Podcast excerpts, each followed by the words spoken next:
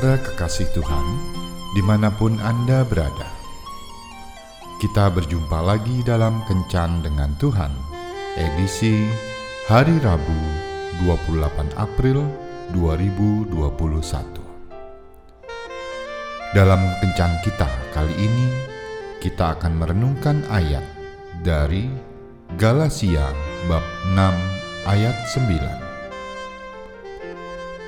janganlah kita jemu-jemu berbuat baik, karena apabila sudah datang waktunya, kita akan menuai jika kita tidak menjadi lemah. Bapak, ibu, dan saudara-saudari yang terkasih, pernahkah kita kecewa ketika ketulusan kita untuk menolong seseorang ditanggapi secara negatif? Ada orang yang sebenarnya memerlukan pertolongan, tetapi merasa gengsi dan merasa direndahkan ketika ditolong. Memang tidak semua orang bisa menerima uluran tangan kita. Namun, apa pun alasan yang ada di balik penolakan itu, kita harus tetap berbuat baik karena semua yang kita lakukan merupakan tanggung jawab kita kepada Tuhan. Sekalipun ada seseorang yang meremehkan perbuatan baik atau pertolongan yang kita berikan, namun percayalah, Tuhan akan selalu memperhitungkannya. Hari ini, tetapkanlah hati kita untuk berbuat baik, apa pun tantangannya. Janganlah kita menyerah karena Rasul Paulus dalam suratnya kepada jemaat di Galatia bab 6 ayat 9 berkata, Janganlah kita jemu-jemu berbuat baik, karena apabila sudah datang waktunya, kita akan menuai jika kita tidak menjadi lemah.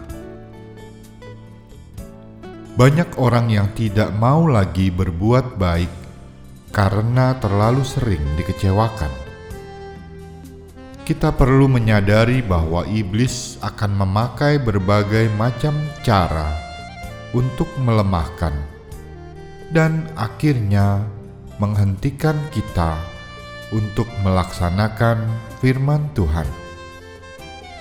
Mungkin juga perbuatan baik kita akan dilupakan orang, atau bahkan dibalas dengan kejahatan.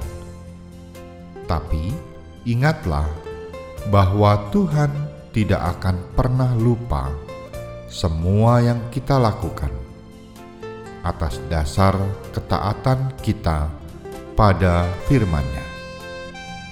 Jadi, selama masih ada kesempatan, berbuatlah baik. Jangan menahan sedikit pun untuk menyatakan kebaikan kepada sesama. Sekecil apa pun kebaikan yang kita lakukan, itu akan dipandang oleh Tuhan sebagai bentuk ketaatan kita kepadanya. Tuhan Yesus memberkati. Marilah berdoa.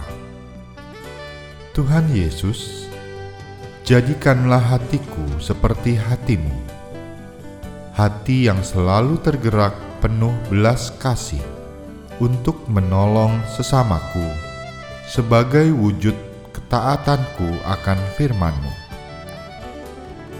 Jangan biarkan kekecewaan hatiku menyurutkan kasihmu dalam diriku untuk menolong sesamaku.